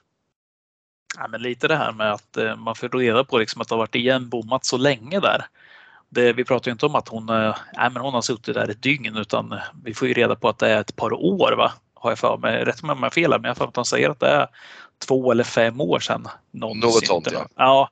Det gör ju det hela liksom än värre tycker jag. Alltså det här, jag tänker direkt på den här The Descent, liksom med de här eh, om de är mänskliga eller om de är andra djur men som har levt i de här grottorna så länge och blivit liksom så blinda och så vidare. Det, de påminner, den här varelsen påminner ju nästan lite om dem där.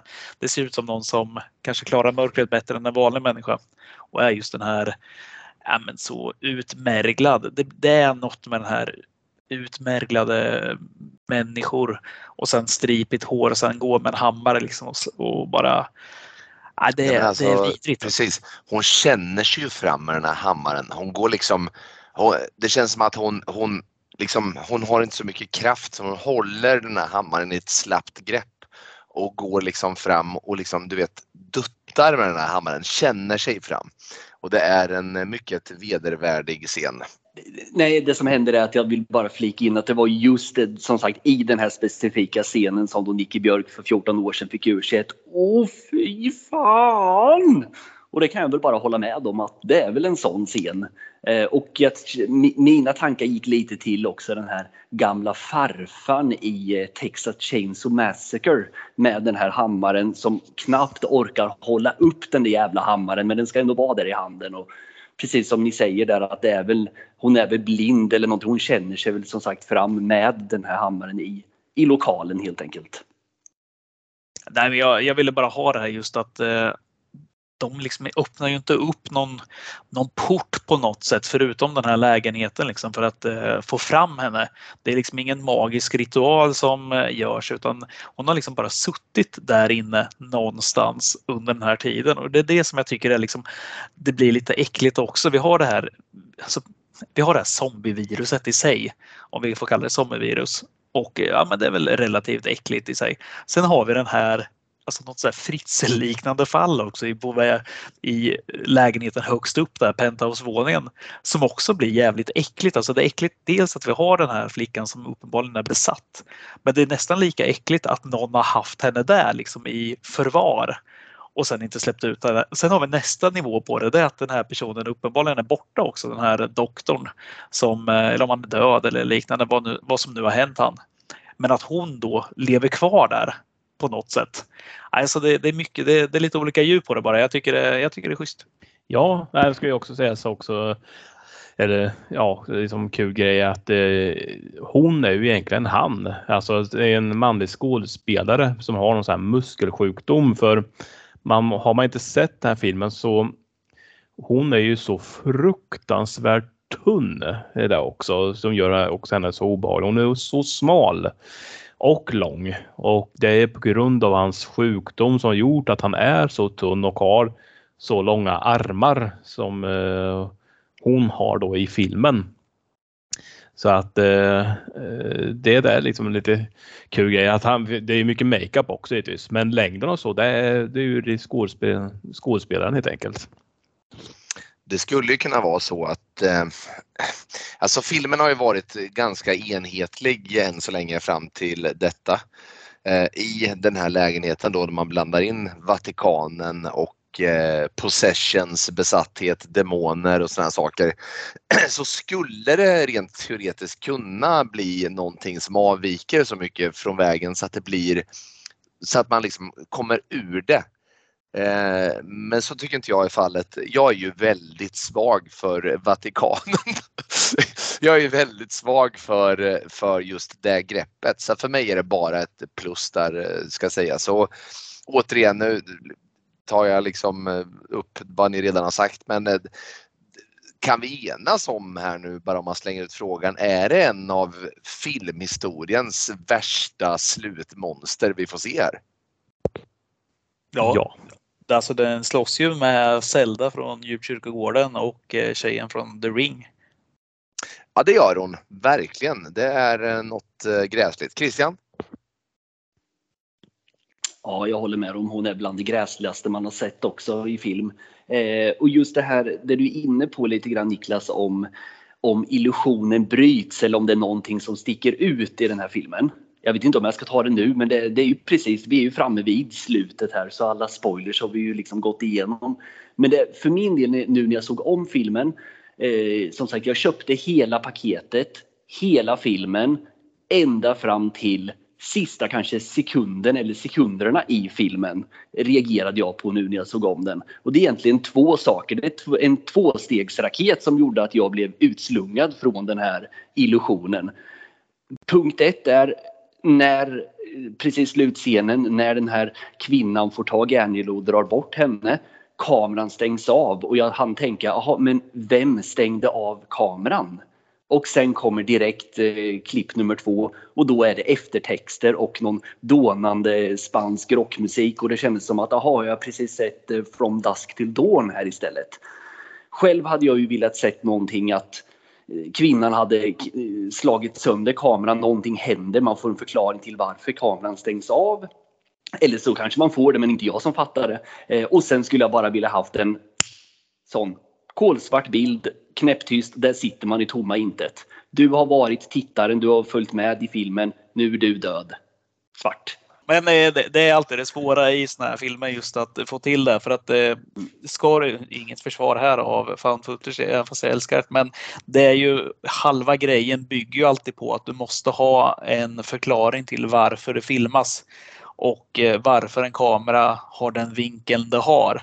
Och jag, ja, fine liksom att den inte, det, den hade väl kunnat eh, kraschas mot eh, någonting givetvis. Men de har ju sett så många gånger innan. Liksom. Jag tänker väl att det här är väl att batteriet tar slut, liksom, eller att det inte händer någonting mer. Att man får tolka lite som det. Att hon, hon sus iväg, liksom, och hon drar sig i benen och sen är det slut. För att ja, visst, vi hade kunnat ha kameran på där och sen bara se att det händer inte så mycket mer för monstret härjar ute i köket med henne istället eller liknande.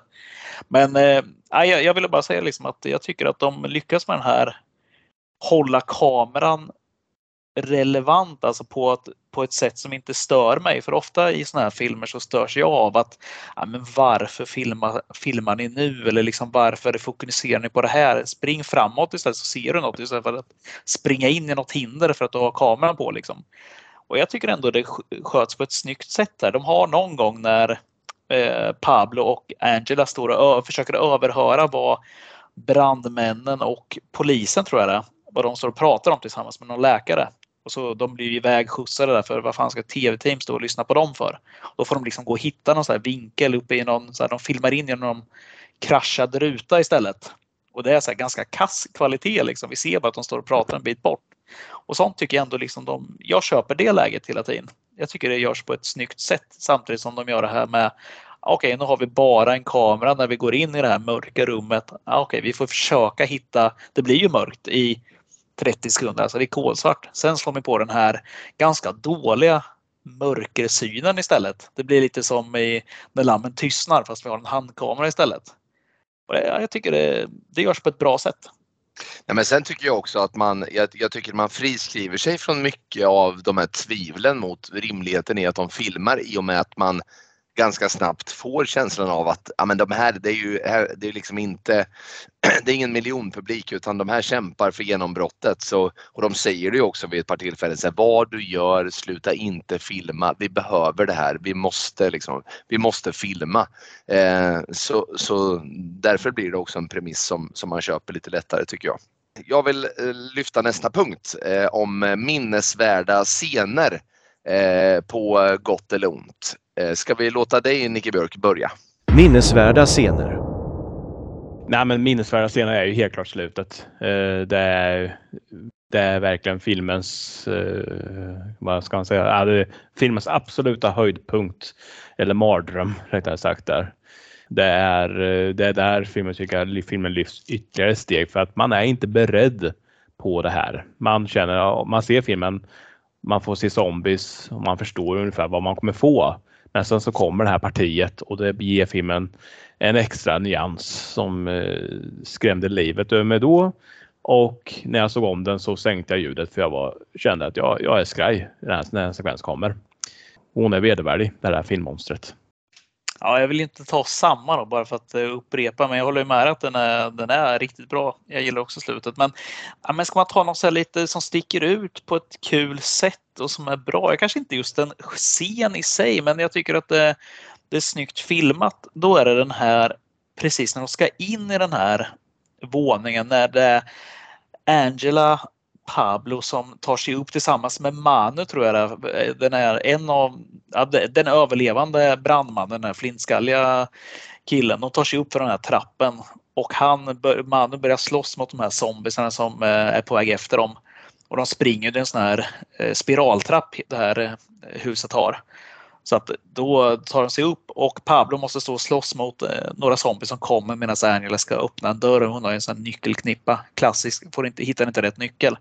Han slåss, sen filmar han bara ner för trappen. Han filmar ner i liksom mittpartiet av det. Och då är det så snyggt där, för man ser liksom in på varje våning kanske så här några, någon, ja, men en halv meter in. Och de är högst upp, jag tror att det är kanske fyra, fem våningar ner. Då ser man liksom att den här mannen som helt plötsligt för bara sekunder sedan slogs mot en zombie, han tittar ju upp och vrålar liksom. Man ser att han är helt eh, förvandlad till en sån här zombie också. Så ser man på nästa våning att någon annan står och tittar uppåt och får syn på dem. Jag tycker det är snyggt. Jag, liksom, jag förstår paniken där. Jag tycker det är, det är en ball vinkel på kameran. Men annars är det ju kanske den här första scenen framför allt med den här gamla tanten.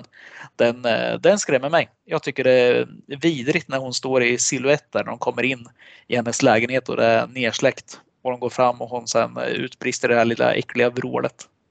Eh, ja, nu har ni ju redan sagt slutet så det hoppar vi över och eh, de andra scenerna som Hoff var inne på också tänker jag väldigt mycket på. Eh, men andra minnesvärda det är ju till exempel scenen när de närmar sig eh, Eh, den infekterade Jennifer tycker jag är väldigt stark. Eh, när de långsamt närmar sig henne och man ser återigen det här med hur, hur snabbt det här viruset slår till. Hon sprang längst ner från bottenplan som en vanlig flicka och nu är hon kolsvart i ögonen. Eh, och man vet ju bara om att det, det sväller vilken sekund som helst här. Så Jennifer-scenen sticker ut mycket för mig. Och en annan scen ganska tidigt, eh, relativt tidigt i filmen, efter den första attacken och det är ju när eh, brandma, är det Alex, eh, rätta mig om jag har fel, som ramlar ner i trapphuset. Eh, och det här när han ramlar ner, det är ju ingenting som någon hinner reagera på och Pablo hinner inte filma utan det är bara någonting, det smäller till och där ligger han på en sekund och halva hjärnan är ute på, på, på golvet. Den scenen reagerar jag mycket på, tyckte var väldigt, väldigt stark. Att den blir väldigt realistisk i och med man som tittare hängde inte med på vad var det som hände. Jaha, där ligger han. Varför ligger han? Vart kom han ifrån? Och sen börjar man förstå när eh, de andra kar karaktärerna börjar prata om att men, han föll ovanifrån och sen förstår man paniken där som uppstår. Då har jag ett par saker jag vill lyfta som kanske är lite mer negativa. Nu är det väldigt mycket lovord den här filmen får så då tycker jag att då, då ska jag ta på mig att vara farbror eh, gnällig här istället då. Eh, en sak som stör mig i väldigt många scener med den här filmen är det ständiga vända ryggen åt hotet elementet som är med i alla scener mer eller mindre. Du har en kvinna i en nattsärk som står eh, med blod över hela kroppen och blod över eh, munnen. Eh, du vänder dig om med ryggen, står väldigt nära henne, väldigt nära henne. Du vänder dig om och ja, pratar med andra innan du blir attackerad. Samma sak med den där lilla flickan Jennifer. Du vänder dig om. Du, då i synnerhet vet du vad det här viruset gör med folk. Du vänder dig om, du tittar på andra och låter dig bli överrumplad. Och det är inte bara de här två scenerna utan det är någonting som är löpande inom hela den här filmen. Att eh, skit i att faran är väldigt nära, vänd ryggen åt och eh, prata med övriga gruppen innan du blir attackerad. Nummer två, vilket också är eh, kanske snarare greppet found footage som jag måste eh, lyfta. Alltså det, det, är ju så att eh, eh är man i ett hyreshus, du har en kamera med dig eh, och du ska eh, filma detta, eh, detta when the hell is breaking loose egentligen. Då vore det väldigt orimligt om du sprang med kameran på någon form av stativ. Eh, det, så funkar det inte utan springer du i panik och har en kamera så kommer det vara skakigt. Eh, och den här filmen är ju skakig bitvis. Det, är, eh, det, det blir skakigt, vilket är trovärdigt. Men eh, då kanske det snarare är greppet found footage som jag vill gnälla på eh, snarare än att den här filmen skulle utmärka sig extra mycket. Här. Det blir lite jobbigt att titta på ibland för mig eh, faktiskt. Eh, Hoff? Ja, jag förstår vad du menar med det här skaket. Jag tycker ändå det görs på en eh, schysst nivå här för att det finns, eh, det finns såna här filmer som man nästan blir illamående när man tittar på för att det är, det är liksom för skakigt. Eh, ofta är det ju ändå skött av en professionell kameraman för att det ska eh, ja, för att det ska fungera för oss, alltså majoriteten av tittare. Sen finns det de här gångerna när de lägger på det här efterhandsskaket och blurret och effekter. Och då, då liksom passerar man någon slags gräns för att det, det är för mycket. Liksom, ni övergör någonting. Det, det är ju ändå en film vi kollar på. Så att det, underhållningsvärdet måste ändå finnas kvar. Men det där, det där tror jag är en smaksak, liksom, vad man själv pallar. Men jag, jag tyckte bara det var lite kul det där du sa med vända hotet mot. Ja, det är absolut inget försvar så, men jag bara tycker att det är lite roligt när de har kameran där.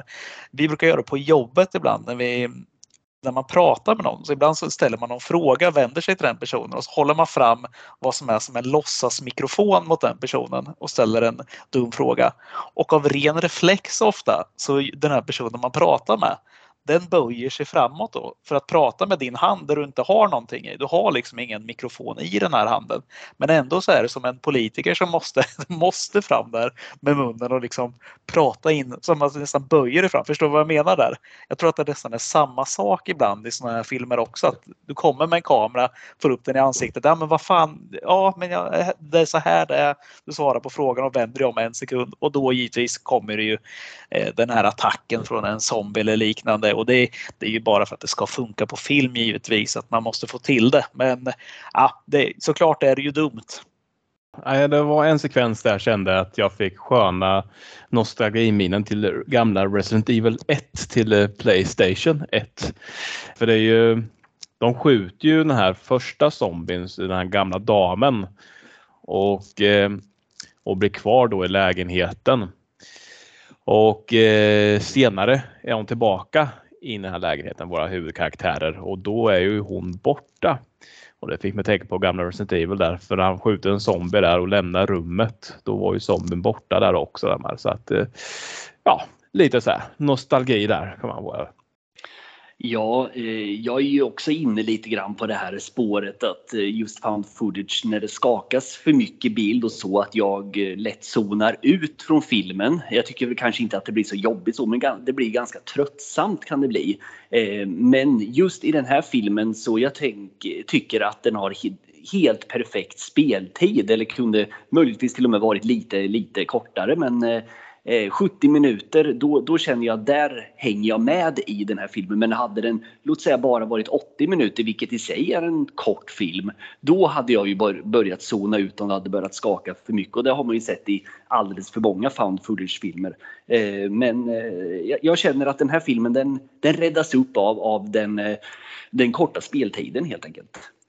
Ska vi göra så att vi tar varvet runt och eh, låter, eh, låter höra vad vi vill ge den här filmen för eh, slutomdöme och eh, betyg. Eh, Hoff, ska vi låta gästerna vara först här kanske och lämna över ordet till dig Christian som mot din eh, vetande räcker upp handen här i Skype. Nu är handen borta och jag är här. Eh, ja, jag kan ju börja. Eh, nej, men som sagt, jag tyckte det var väldigt kul att få återse den här filmen. Av någon anledning så har jag inte sett om den sedan 2008, så det var ju inte igår direkt. Eh, då var jag ju 42 senast jag såg den, så det var ju några år sedan. Eh, men eh, jag, jag blev väldigt eh, positivt överraskad och framförallt eh, den här hela realismen i filmen eh, och hur man bygger upp känslan av det oförstående. Vad är det som händer? Paniken. Eh, och att det sen när det väl börjar röra på sig går otroligt fort. Och jag tänkte mycket på till exempel om vi jämför med Dawn of the Dead eller Night of the Living Dead där går det ju oftast lite långsammare. Karaktärerna de eh, kanske utvecklas mer i en, i en sån film. Den här är mer åt det realistiska hållet. Det, det är ett, ett rappare tempo på ett sätt och man känner av den paniken helt enkelt. Och mycket det som, säkert, som Nicky Björk var inne på att många av skådespelarna visste inte vad som kommer hända i nästa scen och det där genomsyrar ju allting. Eh, så jag var ju som sagt med på tåget hela vägen ända till slutet och just det här jag sa om det här med kameran kan jag väl köpa liksom. Okej, okay, men den stänger av sig. Okej okay då, eh, skitsamma. Men framförallt den stora pucken för mig, det var just eh, fan, ni skulle inte haft några eftertexter. Eh, där bröts illusionen för mig när eftertexterna kom in. Det var enda gången i filmen där, där det här bröts av för mig helt enkelt men det är väl egentligen, alltså eftertexterna är väl egentligen nu på eh, stående fot så är det väl det enda negativa så jag kan komma på. Den enda negativa känslan kring filmen. Eh, så i, i, slutändan, jag har funderat fram och tillbaka och eh, trots eftertexter och en eh, jävla onödig musik så landar den på en fyra.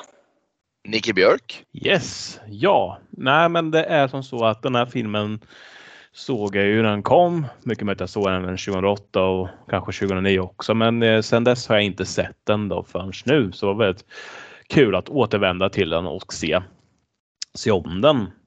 Jag, eh, när jag såg den första gången, var ju livrädd och då också det här värsta jag varit med om i skräckväg i positiv. Eh, inte att den varit dålig så. Eh, nu har det som så, ni har lyft upp en del kritik här nu mot filmen. Eh, håll inte med dig Christian när du säger med eftertexterna, det förstör jag. Men det, det är ju en film liksom så att du självklart måste rulla upp vem som har gjort vad och så vidare. Så att det är inget som distraherar mig.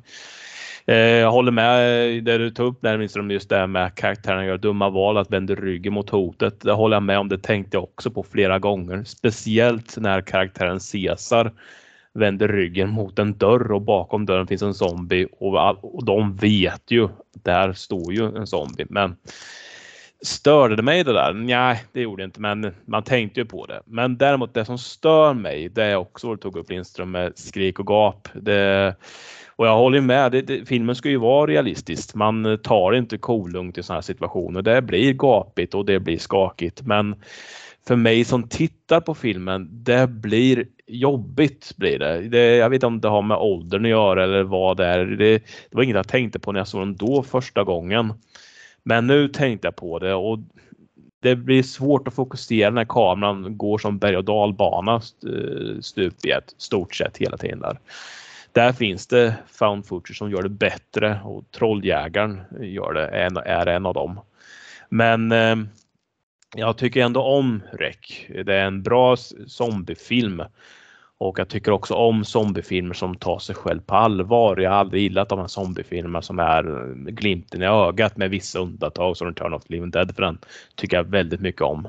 Men när det ska bli så här komedier och så. Här är det otäckt och det är bra.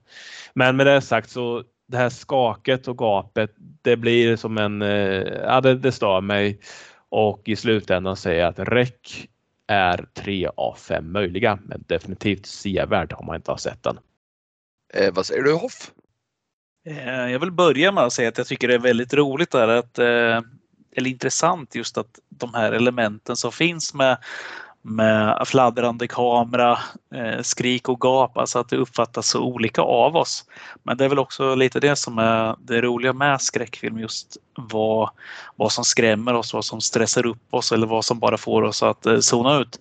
För mig är det nämligen tvärtom. Jag tycker ju att det här, det här stressar mig något oerhört. Jag är en ganska ostressad människa överlag. Jag blir inte stressad förutom när personer runt mig blir stressade då upplever jag någon slags stress. Och i det här fallet gör jag verkligen det i den här filmen. Jag köper ju den här stressen. Att de blir där och då, det gör ju att jag, liksom, min puls går upp hela tiden i filmen. Men jag köper också rakt av att det är, alltså, jag fattar ju att jag inte kollar på en dokumentär. Jag fattar ju att det är en, liksom en found footage-film som ska låtsas vara någon slags dokumentär. Men jag förstår ju också att det måste vara underhållningsvärde i det. Så att jag skulle liksom aldrig klara av Eh, för mycket realism. Så att det, då skulle det ta bort, det skulle bryta magin i en sån här film istället. Men för min del så tycker jag allt det här passar så bra in. Jag köper alla de här grejerna när de vänder ryggen mot för att jag förstår att det måste vara med i en film. Min egen åsikt givetvis. Och sen tycker jag det är ganska skönt det här med att vissa zombies, den här lilla flickan till exempel, hon bara springer iväg där. Vi får liksom inte riktigt så här, ja men vad hände med henne? Vart tog hon vägen? Och vad, vad hände med den här? Det är, det är inte det här att alla återvänder hela tiden eller att eh, vi måste göra slut på en viss zombie här utan det är, ja, men, man låter det liksom bara tugga på och, och flyr. Det blir kaos. Jag älskar det här. Jag tycker ju att det här de här zombisarna, om vi kallar dem zombisar som är snabba. Jag tycker att det är, det är mina favoritzombies. Jag älskar Romero zombies också för vad de var den, på den tiden. Nu tycker jag att de här har blivit, eh, förlåt skämtet liksom, men eh, alltså förbisprungna av de här nya. Jag tyckte ju att eh, 28 dagar senare till exempel gjorde det här utmärkt. Och den här filmen, jag, jag kan inte komma ihåg när jag 2007 såg den att jag hade blivit räddare för någon film som jag när jag inte var liten då. Och så att för mig är det här en solklar femma. Jag tycker det är så bra det kan bli i just den här genren. Den, eh, den tävlar liksom uppe bland med Blair Witch. Men Blair Witch bygger ju på en helt annan typ av skräck. Den har ju inte det här hoppa till effekterna som den här eh, kanske har utan den bygger mer på den här alltså, långsamt krypande också. Mycket mer på att den var först ut med att det skulle finnas något slags hot som alla pratade om och att det kanske var en hittad film. Det skulle liksom aldrig funka idag med, med nätet och liknande. Så att man måste göra det man kan istället för att göra det nytt. Nej, men en, en femma av mig. Det ska jag vara först att säga här idag. Kul ändå. Det är alltid uppfriskande när, ett, eh, när en femma sätts oavsett sammanhang. Eh, jo, först vill jag säga att för en film med begränsad budget så tror jag ändå att found footage är ett vinnande koncept. För att du med ganska små medel kan skapa ganska god effekt eh, i och med att man då kan lägga fokus på detaljer och autenticitet och så vidare som du, som du då får gratis med found footage förutsatt att man då som du var inne på lite Hoff då, köper eh, premissen eller köper trovärdigheten i att man faktiskt bär med sig en kamera när hotet släpps lös som i den här filmen då. Vad tycker då jag om found footage? Eh, jo, generellt sett så, så, så kan jag gilla greppet. Den typ av film som man inte får se för ofta. Någon gång ibland kan det friska upp. Eh, för mig så är det också så att zombiefilm är någonting som jag uppskattar väldigt mycket.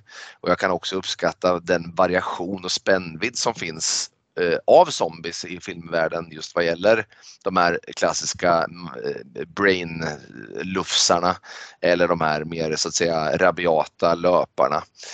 Och jag tror att det är själva variationen där som, som gör det spännande då helt enkelt. I den här filmen så tycker jag att man lyckas väldigt förtjänstfullt med just eh, zombisarna och eh, att de känns jäkligt eh, autentiska och äkta och skrämmande och bara en sån sak som att man har tidernas eh, kanske läskigaste slutmonster eh, där eh, gör ju sitt såklart för det hela. Men eh, och då repeterade du mig lite Nicke Björk och så repeterar jag dig lite tillbaka. För egen del så blir det lite det här med att eh, ryckas ifrån magin när det blir för skakigt. Eh, och jag gör det några gånger då jag, då jag liksom inte vet riktigt om de är på väg upp i hyreshuset eller om de är på väg ner eller vad som händer. Och jag, jag köper det här med att man måste vända ryggen mot hotet för att det är en klassisk skräckfilmsingrediens. Men i found footage tycker jag att man inte ska göra det för att det är inte trovärdigt att man gör det och en found footage måste bygga på att det är lite trovärdigt eh, och, och, och, där kommer jag ur det lite grann också. Eh, så summa summarum så är det här en sevärd film. Jag tror att för de som gillar eh, found footage så, så är den ett absolut måste.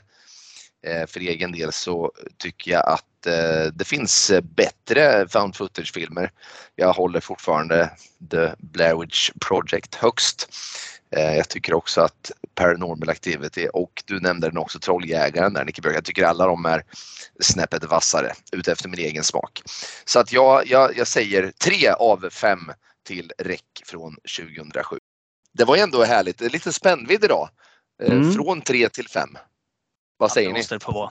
Jag, säger, ah, fan, jag ångrar mig. Fyra får den. Alltså den, eh, den har bra saker som övervinner. Det, så har jag fyra och fem säger jag faktiskt. Där. Då har vi en trea, två fyror och en femma. Det är ändå ett ja. gott medelbetyg för denna film. Ska vi säga så att vi eh, alla säkert ser fram emot film nummer två i serien och den återkommer vi till om ett par veckor då. Om inte någon vill tillägga något så kommer jag ta mig friheten att eh, hälsa våra lyssnare en eh, trevlig kväll eh, beroende på när du lyssnar på denna eh, podd och eh, förvara kryddorna i kylskåpet och eh, vi syns ute i nattens mörker.